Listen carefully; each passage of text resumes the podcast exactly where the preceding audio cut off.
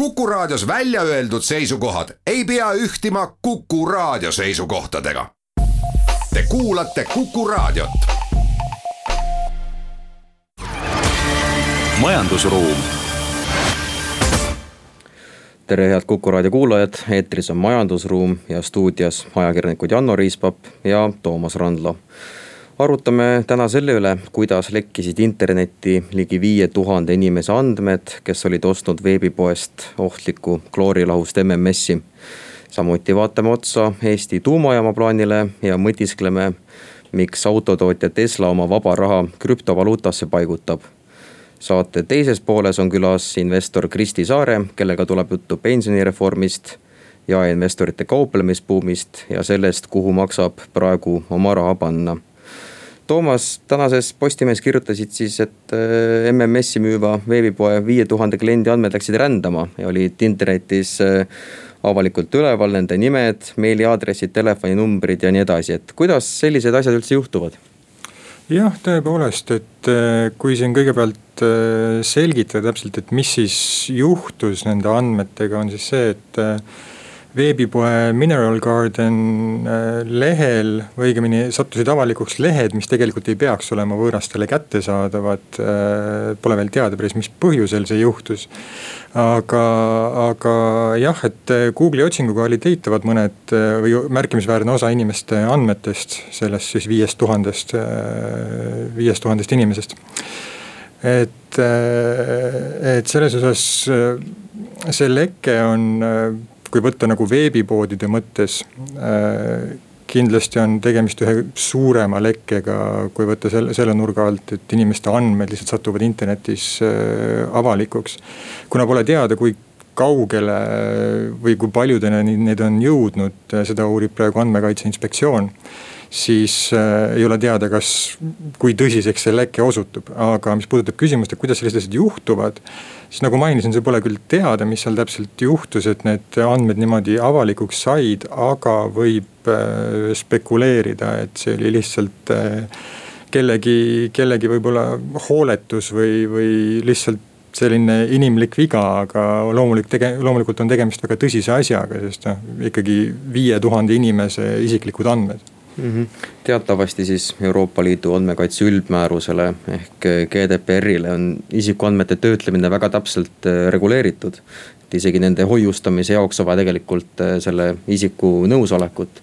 et äh, mis üldse saab sellest ettevõtjast, kelle käest sellised andmed lekivad? no kindlasti ega see mainele hea ei ole, et et äh, kui ma seda artiklit kirjutasin, siis ma ise mõtlesin ka korduvalt sellele, mõtlesin korduvalt kõigile veebipoodidele, kus mina olen sisseoste teinud ja. ja seda, et kui lihtsalt need järsku võivad olla kättesaadavad, et ma loodan, et see on õpetlik lugu kõikidele Eesti veebipoodidele, et kuidas ikka tuleb väga hoolsalt inimeste andmetega ümber käia aga, ja loomulikult kõik veebipoed peavad järgima andmekaitsereegleid ja, ja no samas jällegi inimesed kui nad teevad sisseostu eh, kuskil veebipoes, siis nad panevad ka linnukese sinna, et nad on tutvunud kõikide äh, kõikide reeglitega, mis seda sisse, seda ostu puudutavad, aga, aga noh, ega inimesed väga nendesse ei süvene, aga, aga loomulikult ikkagi kõik on, veebipoel on kohustus kindlasti neid andmeid kaitsta. jah, et iseenesest inimesed on andnud siis äh, loa siis sellele andmevaldajale enda andmeid, eks ole, töödelda. aga kui nad rändama lähevad, äh, siis tekib sellest paksu pahandust, et ma lugesin ka täna seda lugu ja nägin, et isegi Toompeale oli siis tellitud seal seda kloorilahust, et et kui, kui, kuidas siis täpsemalt, et seal oli vist päris palju selliseid tuntumaid inimesi ka, kelle andmed rändama läksid? Äh, jah, äh, see pilt, mis seal nendest andmetest, mis olid siis avalikuks sattunud, oli väga kirju, et äh, et kui võib arvata, et MMS-i, mida teadlased ja arstid nimetavad kahjulikuks ja ei soovita tarbida. kuigi selle propageerijad nimetavad seda imerohuks, aga, aga pole mingeid tõendeid, et see mingit haigust raviks. siis äh, neid, kes seda oli tellinud, oli väga erinevaid inimesi, ettevõtjaid, tippjuhte, õpetajaid. Äh, seal oli mõned teatri, filmitegelased ja, ja samuti ka, ka endine riigikogu liige Laine Randjärv, kes küll ka Postimehele siis kommenteeris, et tema seda lõpuks ei tarbinud, vaid uudishimust ostis, kuna sellest toona nii palju räägiti. Aga, aga jah, et selles osas äh, kindlasti noh, ongi üldiselt kokkuvõtvalt öeldes, et see pilt just, mis avaneb seal sellest, et, et inimesed, kes tegelikult neid on tellinud, on vägagi haritud ja, ja, ja kindlasti ei ole kitsa silmaringiga, aga, aga miski selles niinimetatud imerohus, mille puhul jällegi rõhutan, pole mingeid tõendeid, et see, et see tervist kuidagi paremaks muudaks, miski on, on paelunud.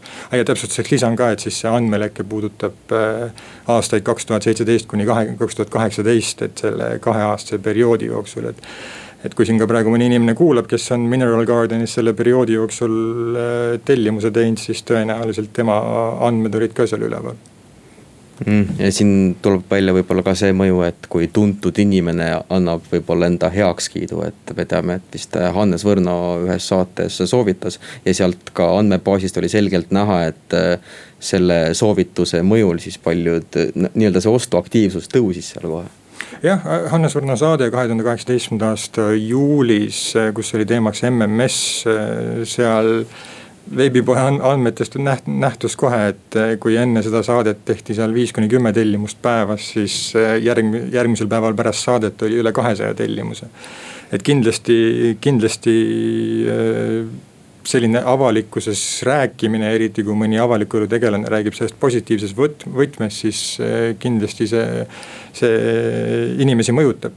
Aga nojah, ja täpsustuseks ma lisan ka veel ikkagi selguse mõttes, et inimesed, kes praegu muretsevad, nende andmed said avalikuks, siis pole siiski teada, et äh, praegusel hetkel vähemalt veel, et keegi oleks neid andmeid kuritarvitanud, et selle selgitab andmekaitse inspektsiooni menetlus jah, et kui võib-olla võrrelda seda andmeleket mõne varasemaga, siis paar aastat tagasi oli siin juhtum, kui veebipoe äh, charlotte.ee neljateist tuhande kliendi andmed lekkisid ja, ja samuti on ka kurjategijad äh, saanud turvaaugu tõttu ligipääsu ligile sajale tuhandele Olerexi tehinguinfole, et see oli ka siin paar aastat tagasi. et kas võib-olla selliseid noh, kõik need lekked ei ole, eks ole, veebipoodidega seotud, et kas on ka võib-olla selliseid, kus lihtsalt nii-öelda lähevad emailide paroolid ja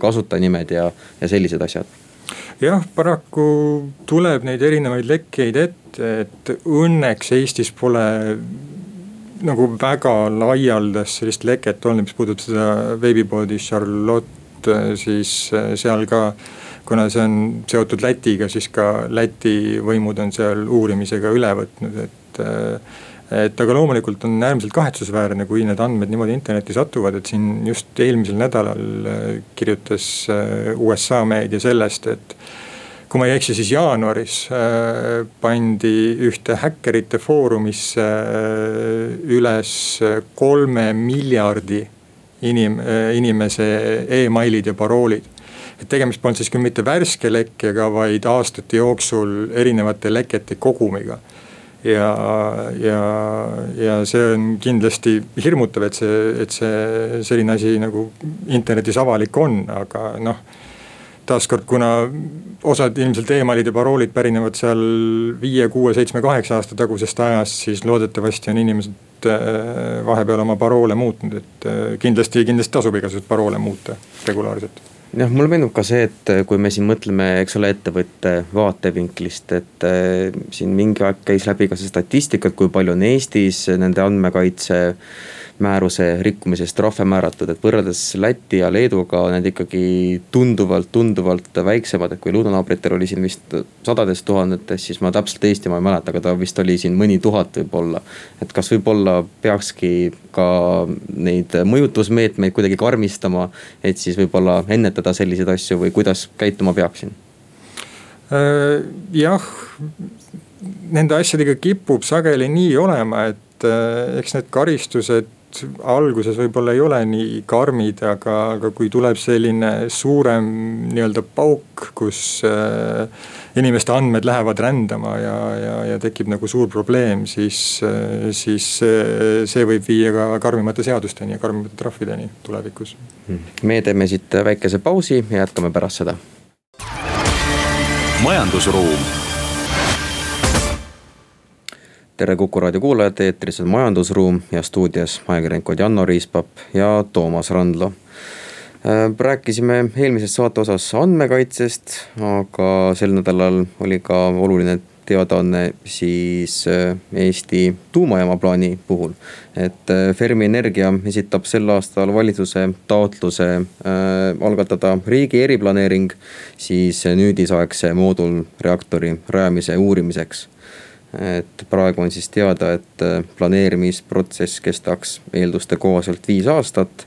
ja huvilised saavad ka siis kauplemisplatvormi Funderbeam kaudu siin oma õla alla panna, et juba on investorite seas näiteks Bolti ja Pipedrive'i asutajad et kui nüüd äh, natuke nuputada siin Eesti ähm, olukorrale siin energeetikas, eks ole, et äh, meil on siin teatud tähtajad aastal kaks tuhat kolmkümmend viis me väljume põlevkivielektri tootmisest.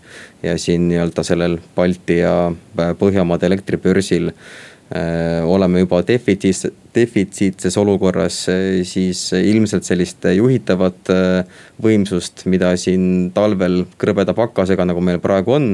et seda on siis üha rohkem vaja aga kui hakkame mõtlema sellele, et äh, inimesed kuulevad ühes lauses sõnu tuumajaam ja riigi eriplaneering, siis ilmselt nad väga vaimustuses selles esimese hooga ei ole, et mida sa, Toomas, arvad? noh, loomulikult tuumajaam on selline asi, mis äh, kindlasti inimestes tekitab erinevaid emotsioone, et äh, noh kuigi Tšernobõlist on siin juba väga pikk aeg möödas, siis äh, paratamatult on mingi osa inimesi, kes on selle, selles osas murelikud. samas kui räägitakse, et tegelikult tuumaenergia peaks olema üks äh, ohutumaid viise või noh, tuumajaam on üks ohutumaid viise, kuidas äh, elektrienergiat toota et noh, selles mõttes, kui kõik hästi, kui kõik on hästi, siis seal ega erineva, eriti palju seal vist neid jäätmeid ja, ja iganes eritu-, eri, keskkonnakahjulikku asju ei ole, aga mida ma ise olen mõelnud äh, on see, et minu meelest tuumajaam on või vähemalt Eestisse tuumajaama ehitamine on enam-vähem samas staatuses nagu. nagu Saaremaa sild või, või Tallinn-Helsingi tunnel, et juba terve justkui igavik on sellest räägitud, aga kas sa, Janno, usud, et see päriselt ikkagi järgmise siin, mis siin võiks siis olla, kümne aasta pärast hakatakse ehitama? no siin kõigepealt peab ootama ära selle, kui arendajad äh, selle eriplaneeringu algatamise taotluse üldse esitavad, et see peaks juhtuma tänavu, tänavusel aastal. siis umbes viie aastaga loodavad nad saada siis valitsuselt ja riigilt põhimõttelist otsust. siin on võib-olla oluline ära märkida ka seda, et tegelikult ongi pall siis valitsuse või riigi väravas, et äh, nemad seda protsessi juhivad. siin toodi ka võrdlus Soomega, et kui Soomes soovitakse Äh, riigi eriplaneeringut, siis seal arendaja valib ka asukoha. Äh, Eestis, kui sa teed nii-öelda see eri, eriplaneeringu, siis sa saad ainult soovitada mingisuguseid äh, endale võib-olla sobivaid või meelepäraseid asukohti, aga siis kõike infot kogumis arvestades selle lõpliku otsuse teeb ikkagi riik. et võib-olla plusspool on ka see, et noh, meil on siin räägitud, eks ole, kolm pluss põlvkonna või siis neljanda äh, põlvkonna nendest äh, äh, väike moodulreaktoritest, et tundub võib-olla selline tulevikutehnoloogia. aga samas plaanide kohaselt juba siin mõne aasta pärast peaksid selliste ehitused kuskil mujal maailmas hakkama, et selleks hetkeks, hetkeks, kui Eestis võib-olla see tehnoloogia valimise või otsustamise protsess on, siis selline oma tüübiline reaktor juba peaks kuskil maailmas äh, äh, töötama ja sellist ohtu, et Eesti on siin mingisugune katsepolügoon uue tundmatu tehnoloogia testimiseks, et seda võib-olla ei ole kas see võiks siis olla see, mis äh, ütleme, et tuumajaama ehitamine kui see, kui see seal ka tööle hakkab kümne aasta pärast või, või rohkem kui kümne aasta pärast. siis kas see võiks olla see, mis siis see vist tuleks küll Lääne-Virumaale, aga ütleme, et seda, mis puudutab seda piirkonda seal, et kui. kui põlevkivielektri tootmine jääb järjest vähemaks, siis kas see puhub seda, selle piirkonna majandust, majandusele elu rohkem sisse jälle no arendajad on ka öelnud, et põhjendatud tähelepanu Ida-Virumaal on, eks ole, et kui meil on siin paarikümne aasta vaates me tahame põlevkivi väärindamisest üldse loobuda, et siis peabki nuputama, et mida me sellele, kuidas me seda piirkonda võib-olla mõtestame koostöös selle piirkonnaga muidugi, eks ole. aga kui meil on jah, et kui lõpeb ära põlevkivist elektri ja õli tootmine ja ajalooliselt tegelikult see piirkond on Eestis äh, olnud äh, selline varustuskindluse ja tagaja ja elektritootja. et siis äh, miks mitte lihtsalt uuemate ja keskkonnasäästlikemate tehnoloogiatega võib-olla edasi minna, et ei pea olema ju tingimata mingisugune fossiilkütusel töötav elektrijaam, vaid äh, võiks olla, miks mitte. minugi poolest tuumajaam, kui kõikide uuringute käigus selgub, et äh, see on ohutu, see on teostatav, see on äh, majanduslikult ja rahaliselt kasulik nii ühiskonnale kui ka nendele arendajatele. et mina ei näe põhjust, et miks me ei peaks uurima selle rajamise võimalikkust kui rääkida siin veel äh, tuumajaamaga seotud ohtudest, siis mina leian, et noh, tegelikult sellele, sellele keskkonna, lisaks keskkonna poolele on tegelikult teine suur küsimus, äh, mis puudutab raha ehk siis kuskohast tuleb see raha, millega seda tuumajaama lõpuks hakatakse ehitama, et. et aasta tagasi, kui Fermi Energia juht presenteeris tuumajaama plaane Lääne-Viru omavalitsuste esindajatele, siis ta ütles, et kindlasti, kindlasti ei võeta eh, või ei kasutata Vene ega Hiina raha. aga, aga mis sina sellest arvad, mis, kas on ikkagi võimalus, et see raha võib kuskilt sellisest, ta ei pea ju otse tulema, aga ta võib kuidagi läbi erinevaid teid tulla riikide poolt, kes, keda me ei pea võib-olla ülemäära sõbralikuks no siin on arendajad ka öelnud, et võib-olla selliste ebasõbralike riikide, kes siis saaksid sellise strateegilise tootmisvõimekuse nagu enda kätte, et äh, neid pigem ei kaaluta, et. eks praegu ole võib-olla põhifookus sellel, et äh, kuidas võib-olla see asi nii-öelda paberil käima saada aga räägime pisut ka võib-olla äh, kiiresti siis äh, krüptorahast, et esmaspäeval andis Tesla teada, et investeeris poolteist miljardit äh, dollarit vaba raha Bitcoini.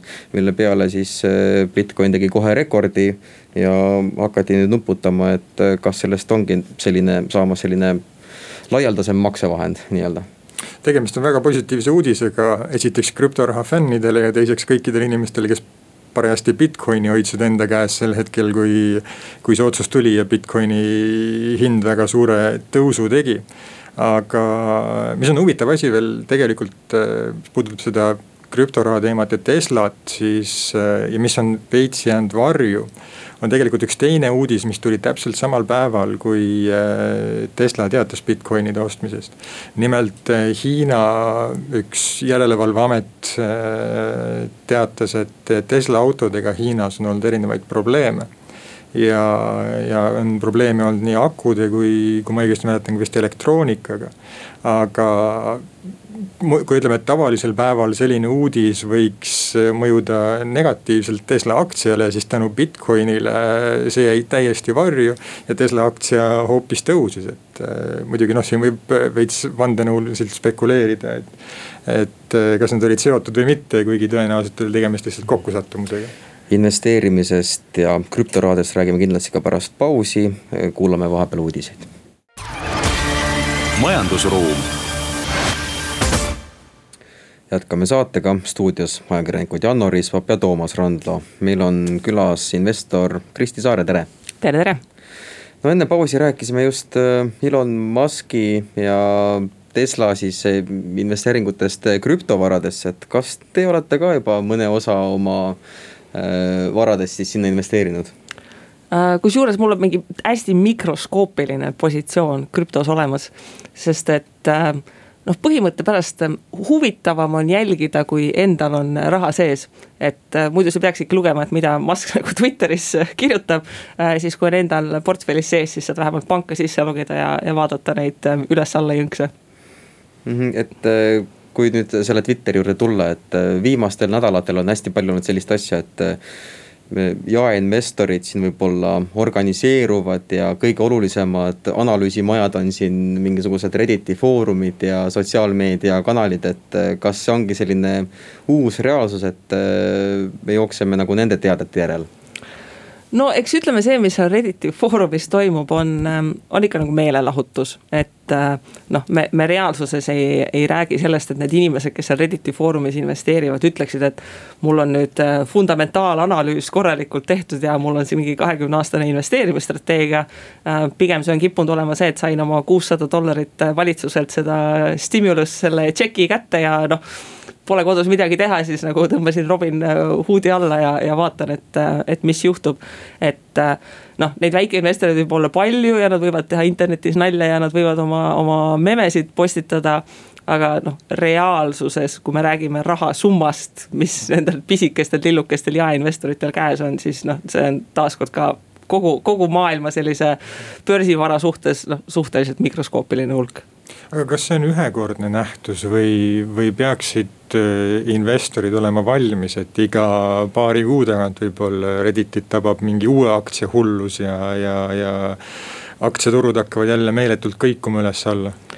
No eks äh, selliseid äh, fänniliikumisi võib ikka olla, et noh, ei pea üldse siin Redditit vaatama, meil on ju see nädal kodumaisel börsil näide olemas, et tuli Äripäeva artikkel, et äh, Harju Elektrijaama Skeletonis osalusi siis äh, tõusis kümme protsenti ja, ja siis tuli uus artikkel äh, vist Delfis ja siis tõusis veel kümme protsenti, eks ju, et noh.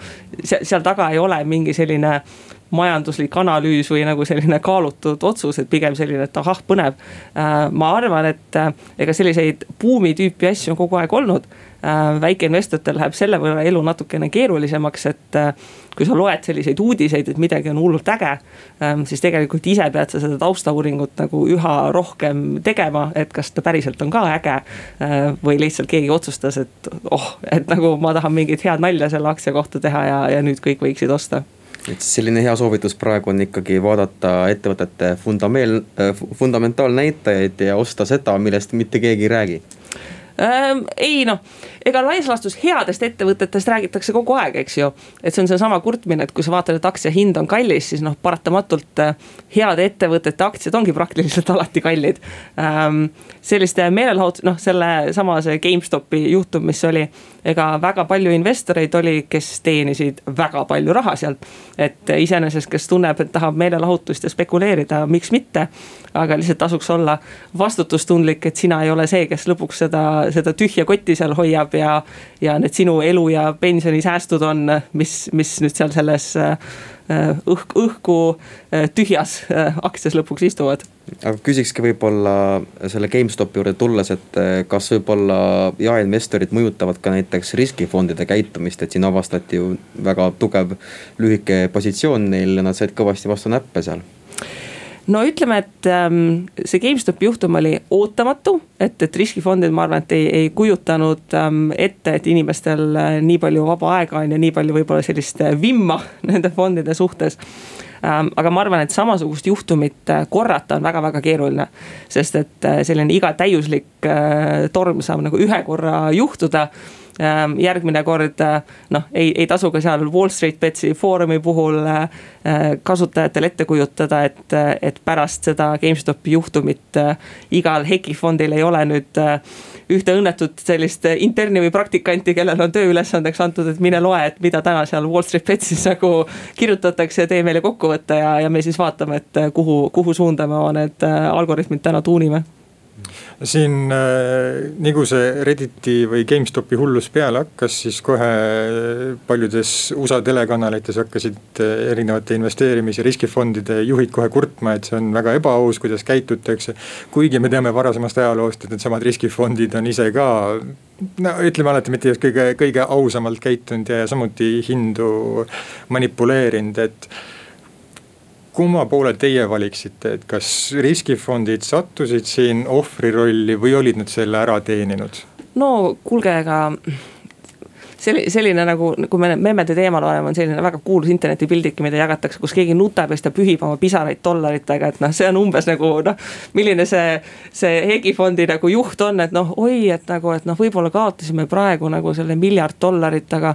noh, oleme siin viimase kahekümne aastaga sada miljardit nagu teeninud, et noh, oi kui kurb, et noh, nagu mitte keegi ei tunne neile kaasa. aga samas sellise PR koha pealt, et noh, mida muud nad saaksid nagu öelda, et noh, selgelt ükski neist, et noh, teeme pressiteate, et no jaa, et väikeinvestorid on tublid, teile meil tegid meile ära, no muidugi nad ei tee, muidugi nad tulevad meedias, ütlevad. no et see on ikka ebaõiglane äkki oleks nagu mingit regulatsiooni vaja, et noh, nende motivatsioon on tellida võimalik, teenida võimalikult palju raha, et noh, mida muud nad ütleksid.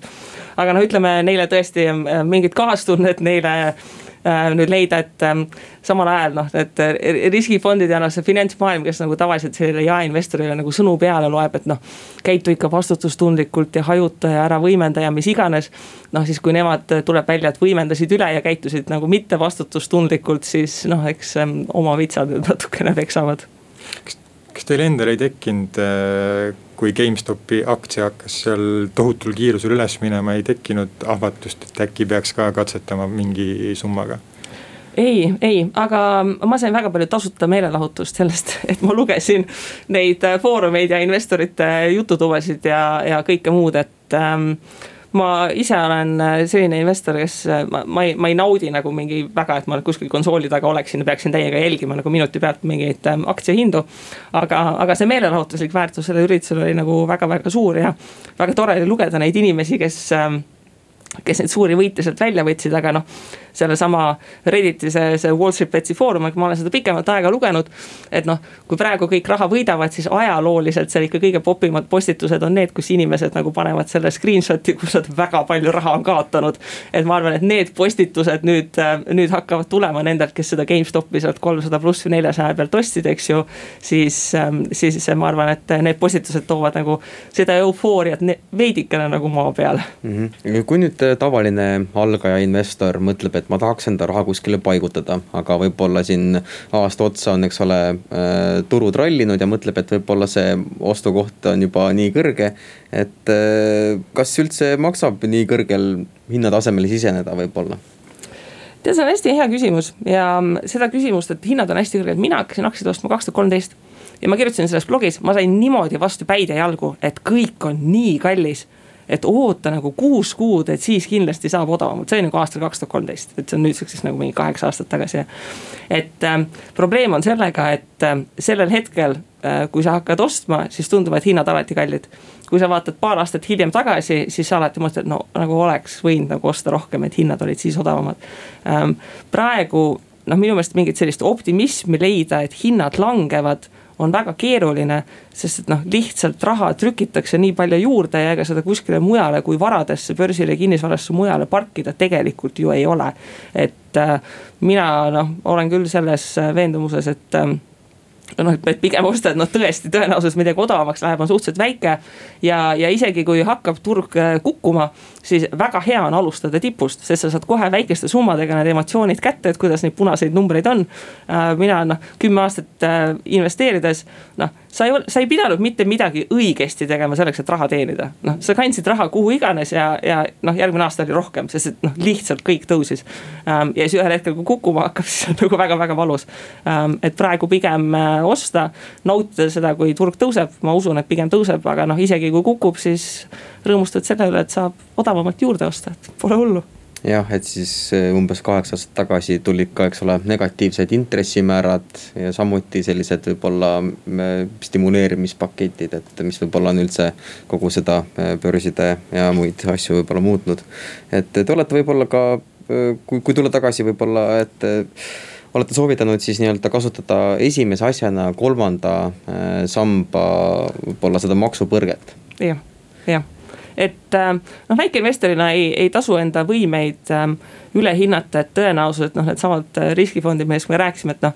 finantsmaailmas on sinu vastu töötavad inimesed ja arvutid, kes teevadki seda kuusteist tundi päevas, et noh, kui sina kui tavainimene, kes äh, käid tööl ja mõtled, et võiks investeerida, tõenäosus, et sa suudad sealt midagi, sealt kübarast midagi suurepärast välja võluda, on ikkagi suhteliselt väike.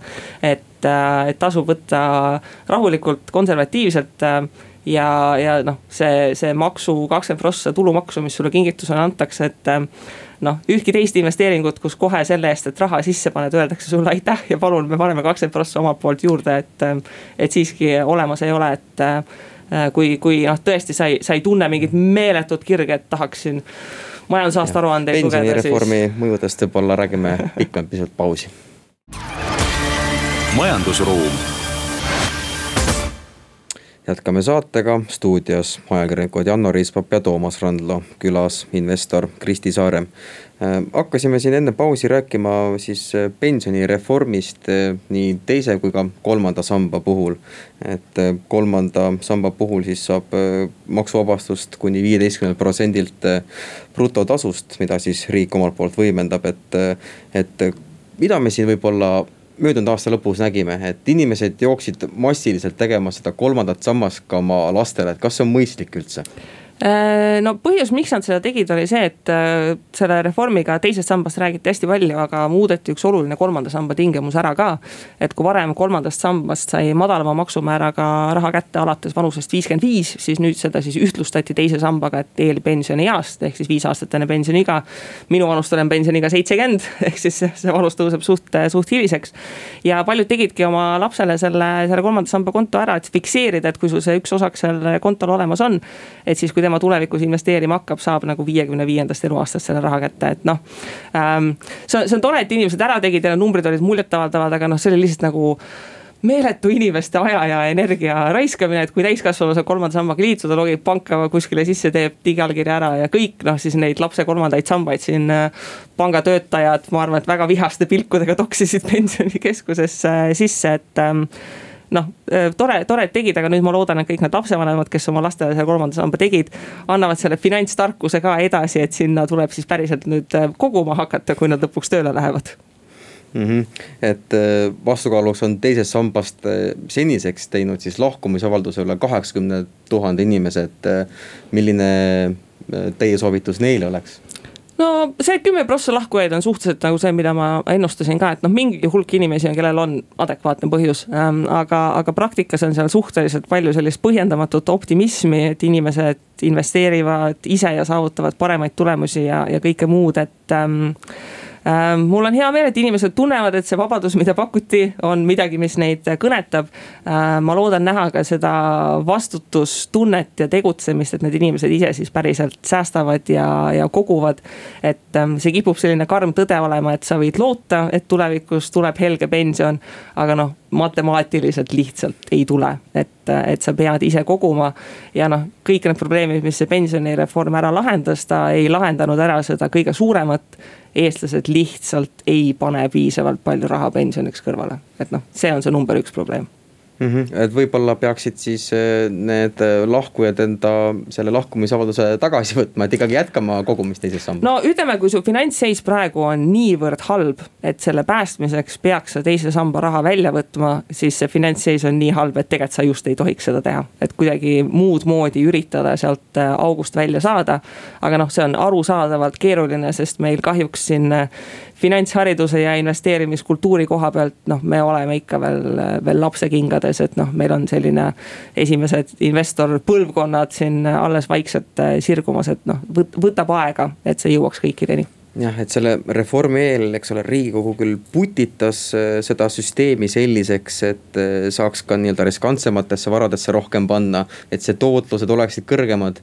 nüüd siis möödunud aastal LHV roheline ralliski siin äh, põhjas, ta vist siin märtsis või aprillis, eks ole, asutati ja tegi väga kõva tulemuse, aga nüüd siis LHV kohe premeeris ka ennast selle nii-öelda kulul no ütleme pensionifondidega on see, et noh, neid lühiajalisi kõikumisi noh, ei tasu nagu üle, üle keskenduda, et noh, see roheline fond ka. noh, see oleks võinud sisuliselt märtsi lõpus ükskõik mis fondi asutada ja see tulemus oleks olnud rekordiline, sest et äh, äh need äh, turud tõusid äh,. viiekümne aasta perspektiivis, mis, mis enamik inimeste kogumisperiood peaks olema. noh, see ühe aasta ralli tõenäoliselt mõjutab lõpuks äh, suhteliselt vähe, aga jah, väga palju suuri probleeme tehti pensionisüsteemis korda. lihtsalt nad ei jõudnud veel niivõrd pikalt mõjuda, et et nad oleksid summutada seda, seda raha põleb ähm, retoorikat kas te ise jätkate teises sambas kogumist? jaa, muidugi, mina jätkan nii teises sambas, kui mina maksimeerin ära iga aasta kolmanda samba ja ise investeerin siis raha, mis äh, sealt veel lisaks üle jääb. kuhu te üldse praeguse turutingimustes oma raha investeerite? Äh, ega mu portfellis on suhteliselt see klassikaline varade kolmnurk, et, äh, et laenud, kinnisvara ja, ja aktsiad noh, praegu ma olen natuke rohkem kinnisvara lainel olnud, ähm, sest et noh, nagu öeldud, äh, raha trükitakse juurde ja laenu antakse heade tingimustega, et äh, kinnisvaraportfelli ehitamiseks on hetkel suhteliselt soodsad tingimused. aga, aga kuna ma olen selline suhteliselt konservatiivne investor, ma üritan sellist laias laastus kolmandik, kolmandik, kolmandik jaotust tegelikult hoida, et eelmine aasta näitas ka, et kui ühel varaklassil läheb hästi, siis, siis teisel ei, ei pruugi minna ja on tore, kui kuskilt ikkagi rahavoogu jookseb. kuidas teil eelmine aasta siis läks, et milline see tootlus oli, et kas tabasite siin võib-olla mõne ostukoha puhul põhja ära või, või kuidas see ajastamine õnnestus äh,? jah, no ma hobi korras siin üht-teist ostsin, müüsin. no mõni tehing läks väga hästi, noh ma Swedbanki ostsin siin noh tõesti väga põhjalt, et nagu saja pealt, et, et mõni tehing läks väga hästi. aga, aga kuna mul sellist väga kauplemishinge ei ole, siis ega eelmine aasta kandis äh, kõige rohkem see, et kas sul oli külma närvi, et jätkuvalt osta, et noh, veebruaris, kui sa iga nädal vaatasid neid, neid uusi punaseid numbreid, et sa ostad juurde. et noh, see USA börsi, see kõige suurem veresaunapäev, mis oli, et noh, kui sa ikkagi logid sinna, sinna kauplemisäppi sisse, vaatad, okei okay,, et täna nagu kümme tuhat euri miinust, et noh, et siis see närv peab vastu, et see, et noh, et sa ei tee seda, et päästan, mis päästa annab ja müün maha, vaid mõtled, et ah no näe, et hinnad on odavad, et kannaks juurde tänapäeval muutub järjest populaarsemaks finantsvabaduse poole püüdlemine, ehk siis teisisõnu investorid äh, või inimesed võtavad eesmärgiks teenida investeerimisega nii palju, et nad ei peaks oma igapäevatööd enam tegema. Äh, teie olete ka selle finantsvabaduseni nii-öelda jõudnud, et äh, millega te oma päevi sisustate üldse? See on nii hea küsimus äh,. inimesed on alati nagu, mis sa teed terve päeva, kui ma sult küsiksin, kui sa tööl ei peaks käima, et mis sa teeksid, no mõtleksid midagi välja äh,. ma teen, loen raamatut, veedan äh, lastega aega, räägin inimestega internetis investeerimisest, et äh, kui sa natukene ilma tööta elad, siis sa imestad, et kuidas sul üldse oli aega, et tööl käia. sest et igasugused hobid ja muud tegevused täidavad selle aja täiesti ilma probleemideta ära kui kaua see aega võttis teil ja, ja kuidas te selleni täpsemalt jõudsite, et kas siis pidite meele, meeletult säästma või on seal taga siis väga head äh, investeerimisvalikud äh,? mina alustasin kaks tuhat kaksteist, alustasin noh, ikka nagu täiesti nullist Äh, ja ega see valem on selles suhtes lihtne, et ühelt poolt jah, säästad nii palju kui võimalik, noh mina töötasin õpetajana, ei olnud selline palk, kust saaks kõvasti säästa. ja mina pidin minema seda teist teed pidi, et sissetulekut suurendada. Ja, ja sissetuleku suurendamine tähendab seda, et noh, lisaraha, ilma milleta sa enne said hakkama, tuleks kohe maksimaalselt investeerimisportfelli lükata, et. noh, matemaatika on selle koha pealt lihtne, et kui sa, kui sa viiskümmend protsenti oma sissetulekust investeerida suudad, siis finantsvabadus umbes täpselt kümme aastat aega võtab, et Äh, kõige parem investeerimisvalik on siiski see järjepidevus, et mul ei ole mingeid selliseid tõeliselt imelisi tuhat protsenti tootnud ähm, investeeringuvalikuid äh, olnud. et noh, eriti alustades portfell kasvab ähm, ikkagi selle arvelt, et sa ise paned raha juurde. et selleks, et liitintress tööle saaks hakata, noh see on nagu praeguseks kätte jõudnud, et, äh, et portfell kas-, kasvatab ennast ise. aga mis on teil aastate jooksul olnud need investeerimisvalikud, mis siiski on torkavad silma teiste seast? Ähm, no eks mul mõned lemmikud on, äh, Balti börsilt on äh, minu isiklik lemmik on äh, Kaubamaja. mõned sellised ähm, iduinvesteeringud, noh, mis on muidugi nagu väike osa portfellist tegelikult. Ähm, ja noh, eks tegelikult kinnisvara on ka, et noh, kinnisvara puhul see võimenduse efekt ikkagi, et kui sa saad pangalaenuga tootlust suurendada, noh see, see toimib väga hästi Te vist alustasite, kui ma ei eksi, ühisrahastuses investeerimisega, et eh, kas te praegu veel jätkate mõnes plat-, mõnel platvormil? Äh, ja, ühisrahastus väikse osana portfellist on äh, olemas, et äh, laenuäri mulle põhimõtteliselt meeldib, et igakuiselt laekuvad intressid, et äh, täiesti siiamaani, siiamaani esindatud mm. -hmm. et on ka teada, et siin mõned hoiulaenuühistud, et on siin rahadega nii-öelda kuritarvitanud, et mis sellest arvate ähm,? Ma arvan, et see on äh, see koht, et vaata, mida populaarsemaks investeerimine läheb, seda populaarsemaks lähevad igasugused skeemid ja tahaks igasugust suurepärast tootlust pakkuda, et noh. Need põhitõed, et kui tundub liiga ilus, et olla tõsi, noh ta on tõsi, noh sellesama Eriali kohta, noh seda ju tegelikult aastaid investeerimiskogukondades räägiti, et noh, et see on ikkagi midagi kahtlast ja me soovitasime, et, et tasuks ähm, eemale hoida. ja noh, ongi, et ähm, taustakontrolli tuleb siiski teha, et äh, kes natukenegi äh, nendesse viimase aja nagu suure pauguga käinud skeemidesse on sisse vaadanud, siis noh, on paistnud välja mm,. aitäh, meil oli külas investor Kristi Saare, stuudios olid ajakirjanikud Janno Riispap ja Toomas Randla. kohtume majandusruumis järgmisel nädalal. majandusruum